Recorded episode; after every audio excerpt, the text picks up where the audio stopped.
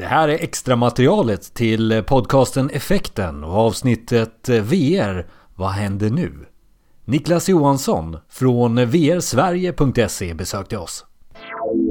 Google lägger ner Tango, varför då? För att eh, de satsar på AR-core. Eh, det är ju AR, AR-core är Androids motsvarighet till AR-kit. Och eh, fördelen med de plattformarna jämfört med Tango är att den, de funkar på en större bredd av um, installed devices. Tango var beroende av Tango-telefoner som det bara fanns ett par olika modeller av. Men mm. R-Core har snart 100, 100 miljoner liksom, devices där ute. Och jag som lekman för AR blir ju helt blown away när man ser Apples senaste presentation. Nu mm. börjar jag förstå liksom. Är du, imponerad också? Så kan jag ställa frågan. Nej, jag, är, jag, är, inte imponerad. Um, AR-kit och AR-core, alltså den här uh, ingångsvägen till AR som, som nu kommer att kunna användas av massor. Det är egentligen väldigt, väldigt rudimentär uh, sensorik. Det handlar ju bara om att uh, i stort sett handlar det bara om att känna igen plan.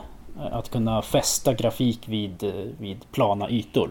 Sen, eh, sen, så, kan, sen så är ju eh, applikationen av det mindblowing och jag hade kul med att fota mig tillsammans med Stormtroopers i, med min pixeltelefon här idag. Nej men så, så sånt finns ju. Um, men eh, det är ju inte immersive på riktigt. Jag, jag skulle säga att eh, AR-kit och AR-core är en eh, inkastare på samma sätt som Cardboard var för VR. Är de för AR. Men, men, men såklart med mycket större kommersiell potential för att eh, nu har vi ju liksom nästa Harry Potter, eh, nästa, nästa spel efter Pokémon Go kommer ju bygga mycket på AR-kit och ha Harry Potter um, IP. Mm. Så vi kommer gå in i magiska portaler genom våra vanliga väggar och golv um, snart. Eller möta drakar på fotbollsplaner eller vad vi kan tänkas göra. Men, men det är fortfarande eh, en interaktion genom en skärm. Det vill säga det, AR ser mycket, ro, mycket mer imponerande ut på, på screenshots än vad VR gör. Um, Bättre när, reklam. Mm. Ja, uh, mer inherently viral. Men vi vill ju alla ha smartglasögon där vi kan skifta mellan AR och VR um, ehm, som vi vill. Helt seamless. När är vi där då? Säg ja, år, år. Ja, nej men eh, när, när, när vi satt och startade det här företaget kring VR Sverige-sajten för ett och ett halvt år sedan, då sa vi fem år. Så nu har vi tre och ett halvt år kvar. Um, och då, då, då kommer skiftet ha skett till post-VR eller the iPhone moment i VR AR. Så att eh, då kommer nog eh, liksom, den, den stora konsument-hit-produkten ja, varje dag så sitter jag och plockar fram fem eller tio um, highlightade artiklar i nyhetsflödet om ARVR och bara senaste veckan har det hänt massor. Det här med att Google släpper Tango och koncentrerar sig på AR-core.